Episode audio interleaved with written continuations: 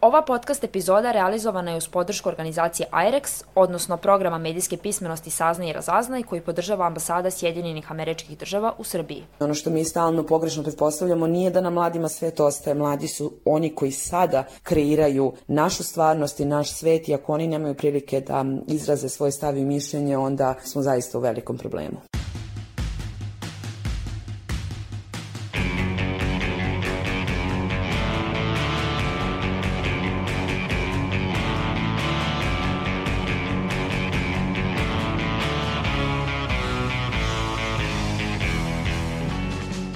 Slušate podcast Reaguj, nezavisnog društva novinara Vojvodine. Ja sam Iva Gajić, a na ovoj epizodi radili su i Sanja Đorđević, Nemanja Stevanović, Sanja Kosović i Irena Čučković. U 77. epizodi podcasta Reaguj govorimo o tome na koji način se mladi u Srbiji informišu, koliko to čine preko omladinskih medija, kao i ko u tim medijima kreira sadržaje za njih. Za početak, vratimo se više od 70 godina unazad i začetka omladinskih medija u Srbiji. Sanja, reci nam nešto više o ovome. E pa ovako, jugoslovenski predvodnik studentskog i omladinskog revolucionarnog pokreta Ivo Lola Ribar pokrenuo je prvi omladinski časopis Student u međuratnom periodu marta 1937. godine. Kao jasno orijentisan levičarski list u tom trenutku je bio trn u očima mnogih, pa je bio na udaru cenzora. Tako su i pripadnici policije često čekali ispred štamparije da bi zaplenili sveže listove ovog časopisa. Državni organi nisu tu stali pa su im čak i oformili konkurenta, studentski glasnik. Nakon rata student postaje finansiran od strane države i u jednopartijskom sistemu on i dalje uspeva da zadrži kritički duh. Sa druge strane pruge u Nišu se osniva list Glas omladine, zatim Mladi 68 izbivanja. Mladima je takođe bio namenjen i kontakt list za nezaposlene, među čim stranicama je bio i stup srama, gde su se isticali oni koji zapošljavaju preko veze. Časopis zbivanja 80. godina prerasta u grafit kada dobija korice u koloru, debi deblji papir i veći tiraž. Osnivač grafita Milorad Doderović rekao je da je politika redakcije bila takva da su džabe trošili papir ako im niko nije pretio ili ih tužio. Navodi da su političari u Nišu imali običaj da kažu pazi šta radiš da ne izađeš u grafitu. U jednopartijskom sistemu malo prostora ostaje za slobodu govora. Na omladinskoj i studentskoj štampi je ostalo da se trenira sloboda. Kritike ovih glasila služila su kao iluzija slobode govora. I dok su studentski listovi bili bilteni domeni socijalističkih govorancija, omladinski listovi bacali su po koju verbalnu oštricu. 90-ih radio kao medij je program jeftin za proizvodnju mašinerija manje glomazne od televizijske i štamparske i sa talasima koji ne poznaju kontrolu i granice preuzima primat. Godine 1989. biva osnovan kao omladinski i radio B92, koji je i u početku sa malim dometom tadašnje vlasti predstavljao smetnju zbog svoje antiratne i politike bez dlake na jeziku. Često gašen svedočio je je o drugoj strani istine koju su prorežimski mediji propuštali da kažu. Čuli smo kako se omladinska medijska scena u Srbiji razvijala tokom prethodnih decenija, a kakva je danas situacija? Pitali smo mlade s ulica Novog Sada odakle se informišu o aktuelnim dešavanjima. Uglavnom preko TikToka i interneta. Ne gledam televizor, bukvalno nikad ne palim televizor, ali sve što me zanima i ako saznam za neku vest tako što odem na internet i googlam sva dešavanja u vezi toga. Imam određene portale koje čitam, ali većinu stvari prvo pogledam na društvenim mrežama i kad nađem na određenim informativnim stranicama koje nađem, e, nakon toga pročitam celu vest. Putem interneta, ono klasično, putem različitih portala i društvenih mreža, mislim ono, kao je većina mladih danas. Informišem se preko Reddita ili preko ljudi za šankom u kafani u kojoj radim. Kroz razgovor i kroz kontraverzne teme sa ljudima koje ne poznajem pa mi postanu prijatelji. Nove generacije se uglavnom informišu preko interneta. A koliko prate medije koji su namenjeni baš njima i za koje omladinske medije oni uopšte znaju? Omladinske medije baš ne pratim. Jedino znam za Vice, ali mislim da nije ni aktuelan sad. Znam za univerzitetski odjek, uh, Zoomer, Vice, uh, ako se Noise smatra omladinskim medijem, znam i za njih i mislim da je to to. Znam za dosta njih, ali ne smatram da jedna radi kako treba, iskreno mislim da su omladinski radi u Srbiji, ono, ukratko rečeno smeće. Od omladinskih medija znam samo za Vice. Ne znam, imaju nekad zanimljive teme i stvarno gledam ponekad šta izbacujem. Generalno nisam neki pretredni obožavatelj, niti ih pratim pretredno puno. One za koje znam su recimo o radio, oblakoder, noise, Vice bi bio, ali Vice više ne postoji, mada nikad definitivno nisam bio fan Vice-a. Recimo Vice, Noise, Reaguj, trenutno mi ništa više ne pada na pamet. A, ne pratim toliko to jest ne pratim uopšte omladinske medije, tako da ne bih mogao ni da ocenim njihov rad. Kao što i sami kažu, mladi nisu preterano zainteresovani za sadržaje koji pružaju omladinski mediji. Na sama pitanja o omladinskim medijima mladi mahom prave grimase. Upravo zato smo im postavili pitanje zašto je to tako, a oni su nam dali konkretne primere i podelili sa nama svoje razloge. Istakao bih medij Zumer koji je ne znam preko kojeg projekta nastao. Ne sviđa mi se njihov rad zato što mislim da su previše idu u levu stranu i previše su, previše su jednostrani da bih ja mogao da poštujem jedan takav medij koji, koji ne može da sagleda, sagleda celu situaciju. Pa od omladinskih medija koja je možda najpribližniji mladima je omladinski radio, novo, mislim novosadski o radio, I to je to od tih omladinskih medija, ima tu još nekih medija, ali nisu mi nešto zanimljivi. Pa ja mislim da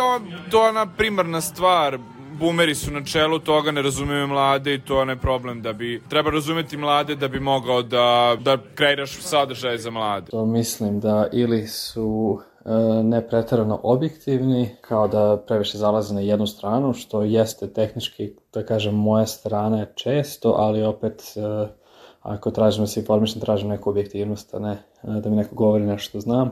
Oni su nekako uvežbali kako da informišu pod navodnicima mlada, ti mladi su u 30 i kusur godine jednostavno se uopšte nisu adaptirali u poslednjih 10 godina na internet i na novije metode informisanja publike. Jedno vreme sam pratila radio Sada mogu da kažem da ne, ali relativno pratim vas, ali stvari koje mi iskaču na fejsu su manje više stvari koje pratim. U suštini mislim kao znam i za Vice i za Noise i možda za još neke koje možda ne bih ni znala imenom da nazovem, ali mi se čine kao trash. BBC News na srpskom mi je zanimljiv, imaju neke možda trash stvari, ali mi je zanimljivo što obrađuju neke stvari koje su možda približnije mladima. Čuli smo šta mladi misle o omladinskim medijima i kako se informišu, kao i koji su to mediji koji im ulivaju poverenje. A šta kaže statistika? Kolega Nemanja Stevanović je naišao na jedno zanimljivo istraživanje, zahvaljujući kojem smo saznali kako mediji tretiraju teme koje su u vezi sa mladima. Nemanja, koji su glavni zaključci? U istraživanju krovne organizacije mladih Srbije Mladi u medijskom ogledalu 2020. koje je objavljena ove godine, istraživači su obuhvatili sadrže mainstream medija, omladinskih medija i youtubera. Ukupno je analizirano 1739 medijskih sadržaja, od čega 216 objava mainstream medija, 570 tekstova omladinskih portala i 953 YouTube videa. Kako navode u istraživanju, takav uzorak omogućio im je uvid u to kako su se različiti akteri na medijskoj sceni obhodili za vreme pandemije koronavirusa, kao i kako su shvatili i interpretirali ulogu mladih u tom periodu. Kada je reč o mainstream medijima, najprisutnija tema je crna hronika koja ostavlja u senci sve druge teme od značaja za mlade – Istraživači su ovde naveli da postoji rizik da ukupna slika o mlađoj populaciji u ovoj grupi medija pod pritiskom izveštavanja o kriminalu ostane dominantno negativna, čak i ako u istim tim medijima postoje i primeri afirmativnog izveštavanja. Ovo potvrđuje i trener medijske pismenosti u Novosadskoj novinarskoj školi Stefan Janjić, koji je i jedan od autora ovog istraživanja. On bliže objašnjava kako se o mladima izveštava u mainstream medijima, počevši od crne hronike dakle u slučajevima kada su mladi počinioci krivičnih dela ili žrtve krivičnih dela i tu nailazimo zaista na drastične primere kršenja kodeksa novinara Srbije. Pritom je taj monitoring koji mi radimo veoma kratak, dakle on posmatramo dve nedelje u toku godine. Ja mogu da zamislim šta bi se desilo da, da imamo nekakav sveukupni korpus I vidite tu zaista strašne stvari, na primjer neki maloletnik koji je opljačkao trafiku i valjda je osnovno pravilo neko ko, ne znam, kroče na, na fakultet, započne studiju novinarstva, zna da maloletnici kada su počinioci krivičnih dela moraju u svakom smislu biti zaštićeni, ne sme se otkrivati njihov identitet. I onda na, recimo na Pinku ne samo da se izveštava o takvim slučajevima, a, nego se prikaže i snimak bez ikakvog zamućivanja, bez ikakvog blurovanja i vidite sliku mladića koji pljačka trafiku. I veliki broj gledalaca bi vjerojatno rekao pa to je na mestu, treba da to da se opameti, treba da cijela Srbija vidi šta je on radio, ali taj osvetnički pristup se veoma, ja bih rekao, lako naslanja na, na ukupan narativ o mladima koji je narativ o jednoj dekadentnoj populaciji koja se odrodila od svih pravih vrednosti, o, o populaciji koja je nedovoljno patriotski nastrojena, o populaciji koja želi da napusti Srbiju, ne poštuje roditelje, ne poštuje starije, okrenute samo materijalnom i tako dalje. Dakle, jedna vrsta jeremijade, iščuđavanja, prezira, pojačavanja generacijskog jaza. I ja bih rekao kada sve to saberem, da mainstream mediji izveštavaju o mladima tako da bi zaprepastili svoju realnu ciljnu grupu, a to je starija populacija, i da bi im pokazala, evo vidite kuda ide ovaj svet i na koji način će nas mladi odvesti u propast. Kao primer dobre prakse u istraživanju Komsa ističe se radio televizija Srbija koja je ocenjena da je profesionalno izveštavala o mladima. Sa druge strane, na portalima Blitz i Mondo primećeni su negativni trendovi. Blitz koji je u ranim istraživanjima pokazao više senzibiliteta za mlade, u ovogodišnjoj analizi navode autori istraživanja bespotrebno i senzacionalistički produblje generacijski jaz, provocirajući mit o mladima kao o dekadentnoj populaciji. Mondo je ocenjuju istraživače Komsa doživeo oštar zaokret ka tabloidnom novinarstvu uz kontinuirano kršenje novinarskog kodeksa – Širi prostor za analitičke forme, medijske inicijative, devojke i žene, kao i pripadnike osetljivih grupa su, navodi se u istraživanju, ono što je potrebno ovim medijima. Ipak potreban je i strožiji odnos prema pseudo događajima i sadržajima koji se nalaze na ivici prikrivenog oglašavanja, kako se mladi ne bi dalje zlupotrebljavali u svrhu vanizbornih političkih kampanja. Mainstream mediji su proučavani iz godine u godinu kako bi se videlo na koji način oni izveštavaju o mladima, ali i na koji način tehnike svog izveštavanja prilagođavaju ovoj ciljnoj grupi. Ja bih rekao da su oni potpuno odustali, da su digli ruke od toga da na neki način privuku mlade ljude, da se angažuju na neki interaktivni, multimedijalni način i oni o mladima izveštavaju isključivo u prigodnim situacijama kada treba da posluže kao dekor, recimo dodeljuju se neke stipendije koje možda finansira, ne znam, država ili neka državna institucija i onda imate tu državnog službenika, imate, ne znam, premijerku, predsednika koji dodeljuju te stipendije i ni jednu mladu osobu da progovori u tom, u tom kadru ili u tom tekstu. Dakle, oni su tu samo neka vrsta dekoracije i scenografije bez ikakve prilike da iskažu svoj stav. Govorili smo o mainstream medijima, ali hajde da vidimo šta je sa omladinskim. Janić kaže da postoji više vrsta ovakvih medija. Kada govorimo o omladinskim medijima, mislim da imamo različite prakse. Imamo oni koji jesu nominalno omladinski, ali izgledaju kao da ih je uspostavila neka profesorica koja je pred odlazak u penziju ili kao da ih je uspostavila neka nevladina organizacija koja ima obaveze prema donatoru, da izveštava na nivou najava događaja, da izveštava isključivo, ne znam, o stipendijama, razmenama i tako dalje, da bude posvećena najboljima među mladima, onima koji su postano zainteresovani za edukativne programe za usavršavanje i tako dalje, a slabo se recimo upliću u teme koje su iz polja politike, zdravstva, ne znam, mentalnog zdravlja, ljudskih prava, ekonomije, ne daj Bože, ili recimo popularizacije nauke. Dakle, oni su vrlo, vrlo površni. Sa druge strane imamo portale omladinskog karaktera koji su zasnovani na clickbaitu, kao što je recimo Noise. To su portali sa vrlo malo novog, autentičnog sadržaja i portali koji žive na klikovima. E, treću grupu predstavljaju portali koji su pronašli nekakvu zlatnu sredinu i balans, da se obraćaju mlađoj populaciji, da budu atraktivni, ali istovremeno da ni na koji način ne krše kodeks novinara Srbije, da im se te greške dešavaju redko. Tako su recimo sajtovi Zoomer i Youth Vibes koji imaju prilično dobar pristup E sad, naravno, ja to komentarišem iz svoje pozicije, ali rekao bih da su to portali koji se ne plaše političkih tema, ne plaše se osetljivih društvenih tema i pakuju ih na jako dobar način. Vidite ogroman trud i ogromnu posvećenost i rekao bih po reakcijama na društvenim mrežama da to publika zaista prepoznaje. Kada je reč o omladinskim medijima, u ovom istraživanju je pokriveno njih šest. Vice, Noise, Talas, Google, O Radio i Megafon – Istraživači ocenjuju da su ovi mediji imali uz izvesne izuzetke i nedostatke izrazito profesionalan, proaktivan i kreativan pristup pri stvaranju medijskih sadržaja za vreme prvog talasa virusa korona. Jezička kreativnost, multimedijalnost, duhovitost, otvorenost za osetljive grupe i žanrovska raznolikost neki su od stvari koje su ovi mediji uspeli da iskoriste u odnosu na tradicionalne medije, navodi se u istraživanju. Autori Komsovog istraživanja prilikom analize sadržaja ovih medija tokom prošlogodišnje pandemije koronavirusa, koja je bila obeležena velikim brojem dezinformacija, primetili su da su ovi portali objavljivali sadržaje koji su se suprotstavili pseudonaučnim teorijama i opštoj infodemiji. Jasna orijentacija ka mladima i njihovim problemima uz detaljne analize, predloge rešenja i aktivan dijalog sa svojom ciljnom grupom neki su od pozitivnih primera ovih medija – Ipak, istraživači su imali primetbe koje opisuju i kao sugestije za bolji rad u budućnosti, kao što su izbacivanje iz upotrebe clickbait naslova, jasno ugrađivanje od pseudonaučnih teorija, prihvatanje nadležnosti saveta za štampu, kao i uspostavljanje strategije razvoja naloga na društvenim mrežama ovih portala, s obzirom na vrlo skroman napredak u proteklih godinu dana.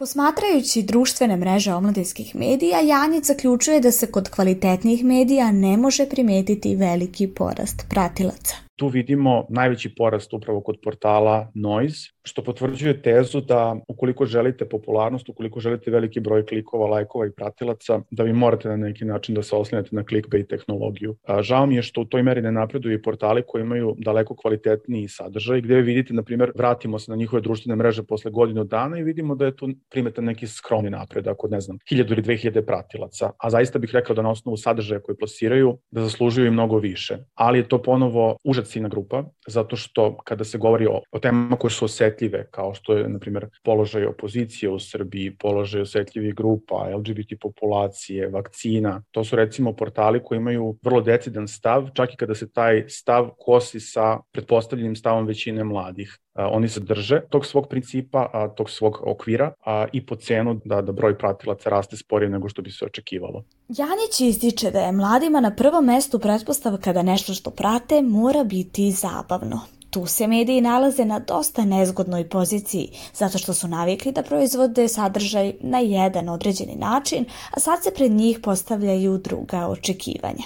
Ipak Janić ističe da je moguće spojiti zabavno i informativno. S druge strane, i mladi pokazuju otpornost. Jedini problem koji vidim trenutno to je njihov otpor ka složenijim informacijama, a nažalost nisu sve teme pogodne za sažimanje u tri pasusa ili u tri infografika.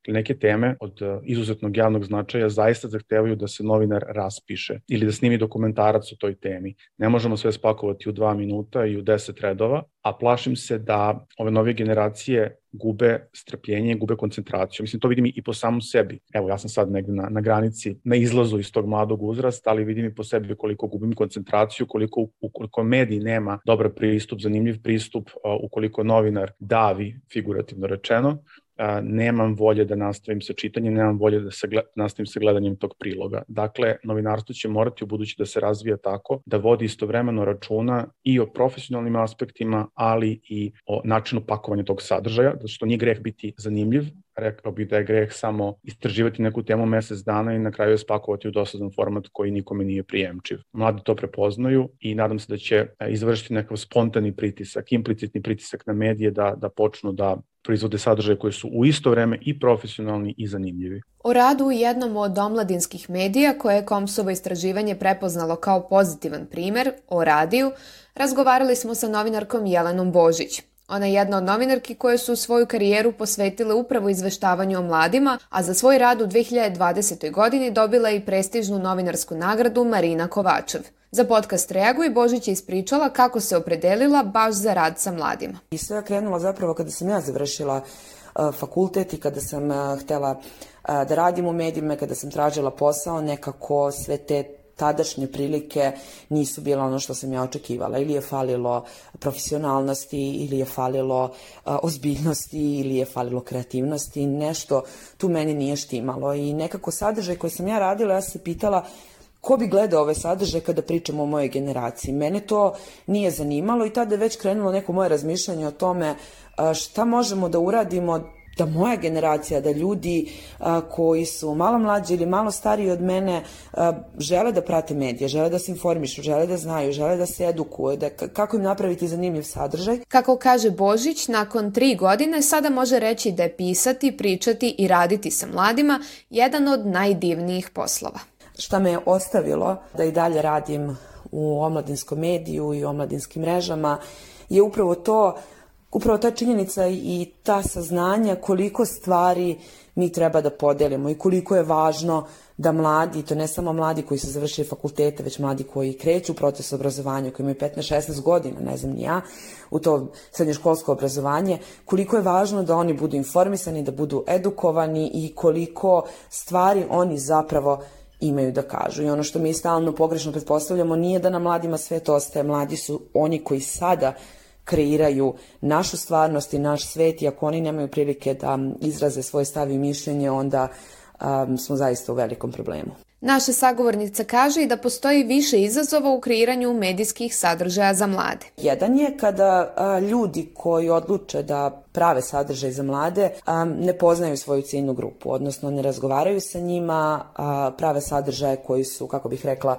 samo pričaju o mladima gde su mladi objektivizirane, ne uključuju zapravo mlade u te priče, nisu im glavni a, sagovornici. To može biti, ne znam, da li zbog toga što nisu dovoljno upućeni, ne znaju kako se radi za mlade ili prosto ne žele, ali prvi izazov je zapravo uključiti mlade. Onog trenutka kada priđete mladima, kada ih uključite, to sve bude mnogo lakše, kada steknete njihovo poverenje. Ja kada sam te krenula da pričam o mladima, neki od mojih sagovornika ili sagovornica nisu mogli da prosto poveruju da su oni relevantni, da prokomentarišu nešto, da daju svoje mišljenje ili stav. Drugi izazov su sami formati medijskih sadržaja za mlade, jer njima prijaju oni koji su multimedijalni i interaktivni i danas mladi imaju mnogo više znanja o digitalnim alatima nego, na primer, mladi pre 10 godina. Vrlo je važno da pratimo trendove. Znači, važno je da sadržaje koje pravimo znamo kako da prikažemo i predstavimo mladima. Važno je da pratimo trendove, da pratimo formate, da pratimo mesta gde se mladi kreću. Dakle, nije dovoljno napraviti super tekst koji uključuje mlade, koji je sadržajan i samo ga ostaviti tako u formatu u kom je napravljen. Novinari koji pišu za mlade i koji se bave mladima imaju taj izazov što moraju da znaju a, kako se nešto prilagođava za Instagram, kako se nešto prilagođava za TikTok, kako se nešto prilagođava za Facebook, kakvi video formati su sad aktuelni, šta raditi, a šta ne raditi, pratiti koliko su mladi na društvenim mrežama, koliko traje taj njihov scroll, koliko traje pažnja. Božić naglašava da, iako sadržaj za mlade treba biti zanimljiv, on mora zadržati svoju edukativnu i informativnu ulogu. Tako dolazimo i do trećeg izazova u kreiranju omladinskih medijskih sadržaja, a to su resursi i kapaciteti. Mnogo omladinskih medija je deo ili civilnog sektora ili je tako osnovano, nemaju stalne izvore prihoda i upravo to sve što je potrebno da se uradi, znači istraživanje, ljudi, neko ko zna društvene mreže, neko ko zna formate, omladinski mediji nemaju kapaciteta za to.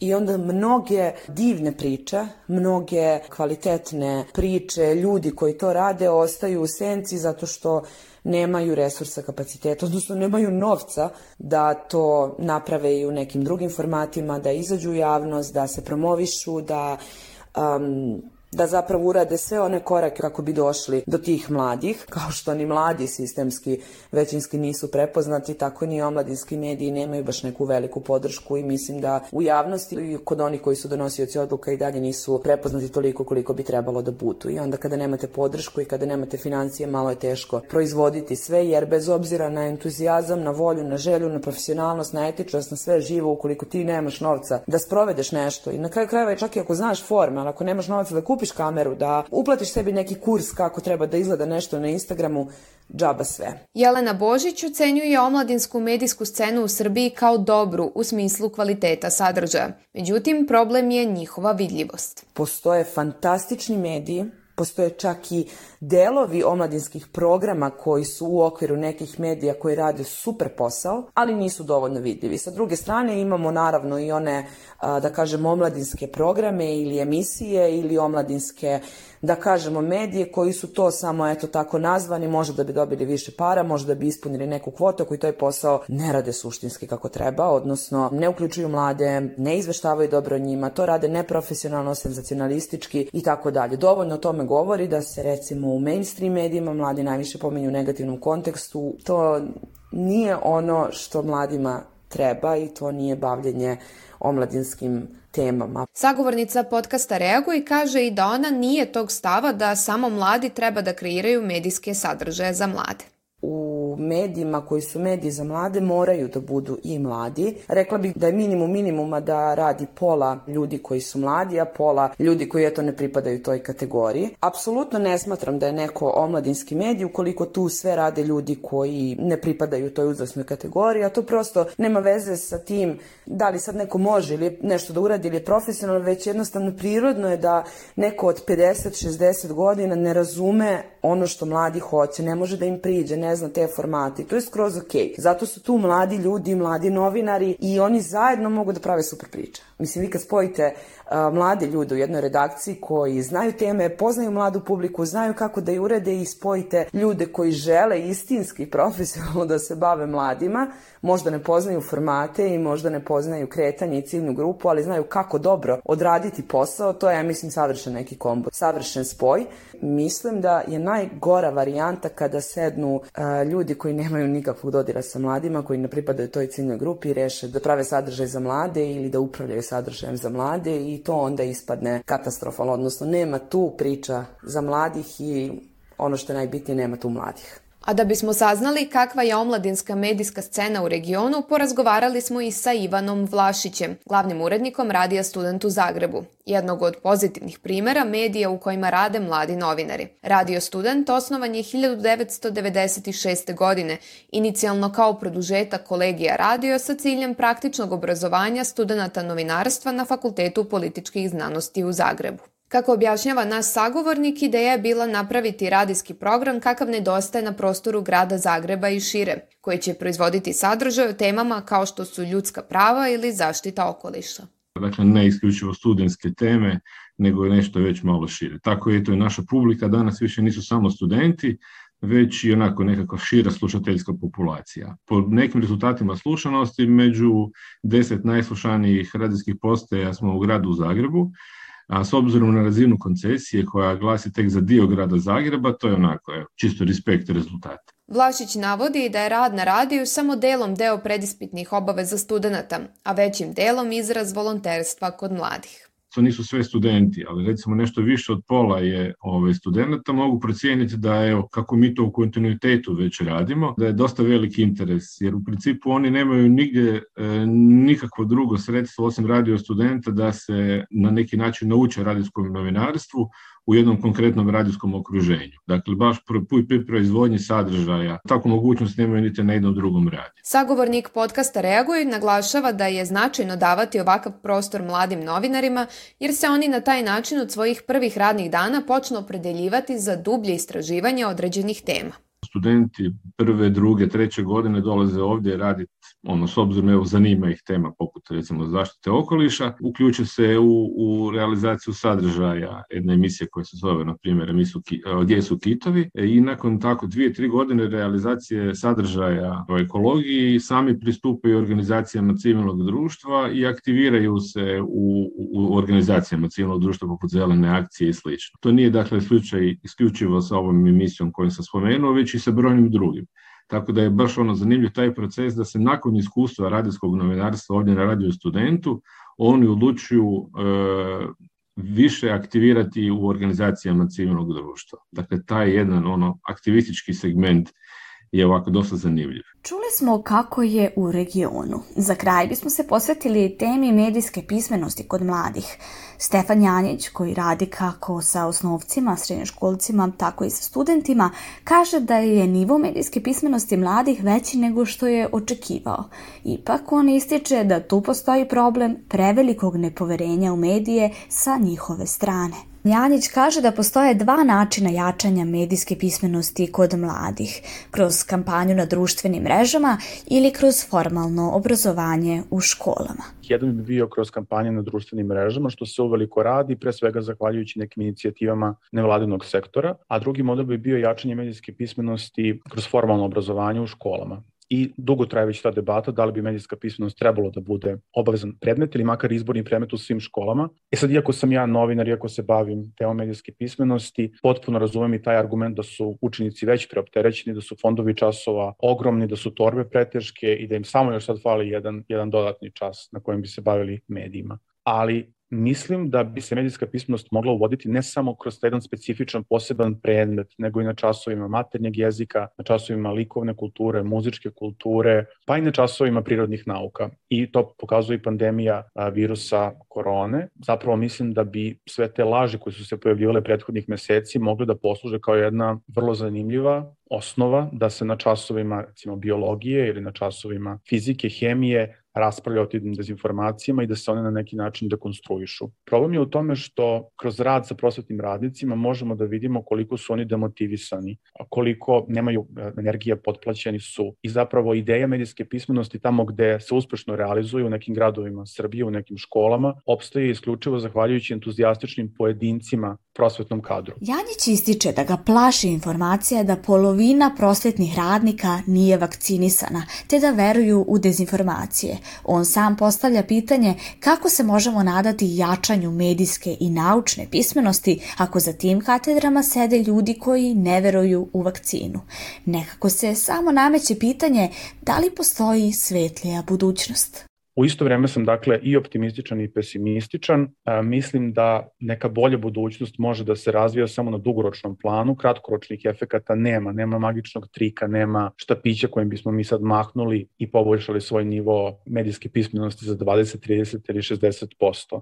To je proces koji traje, koji je dosta bolan i ne može se rešavati samo institucionalno i putem društvenih mreža, već svako za sebe među mladima mora da odluči, mora da se presabere i da shvati zbog čega je važno da razvija svoje medijske kompetencije, čitanje zapravo medijskog sadržaja i na tom putu koji će sigurno potrajati. Ja sam zahvalan svima onima koji pokazuju tu elementarnu dozu entuzijazma. Na njima je budućnost. Ovim završavamo 77. epizodu podcasta Reagu i nezavisnog društva novinara Vojvodine, u kojoj smo govorili o informisanju mladih i njihovoj medijskoj pismenosti. Pišite nam u Facebook grupi Podcast Reaguj o tome na koji način se vi informišete. Dostupni smo i na mailu podcast.ndnv.org, a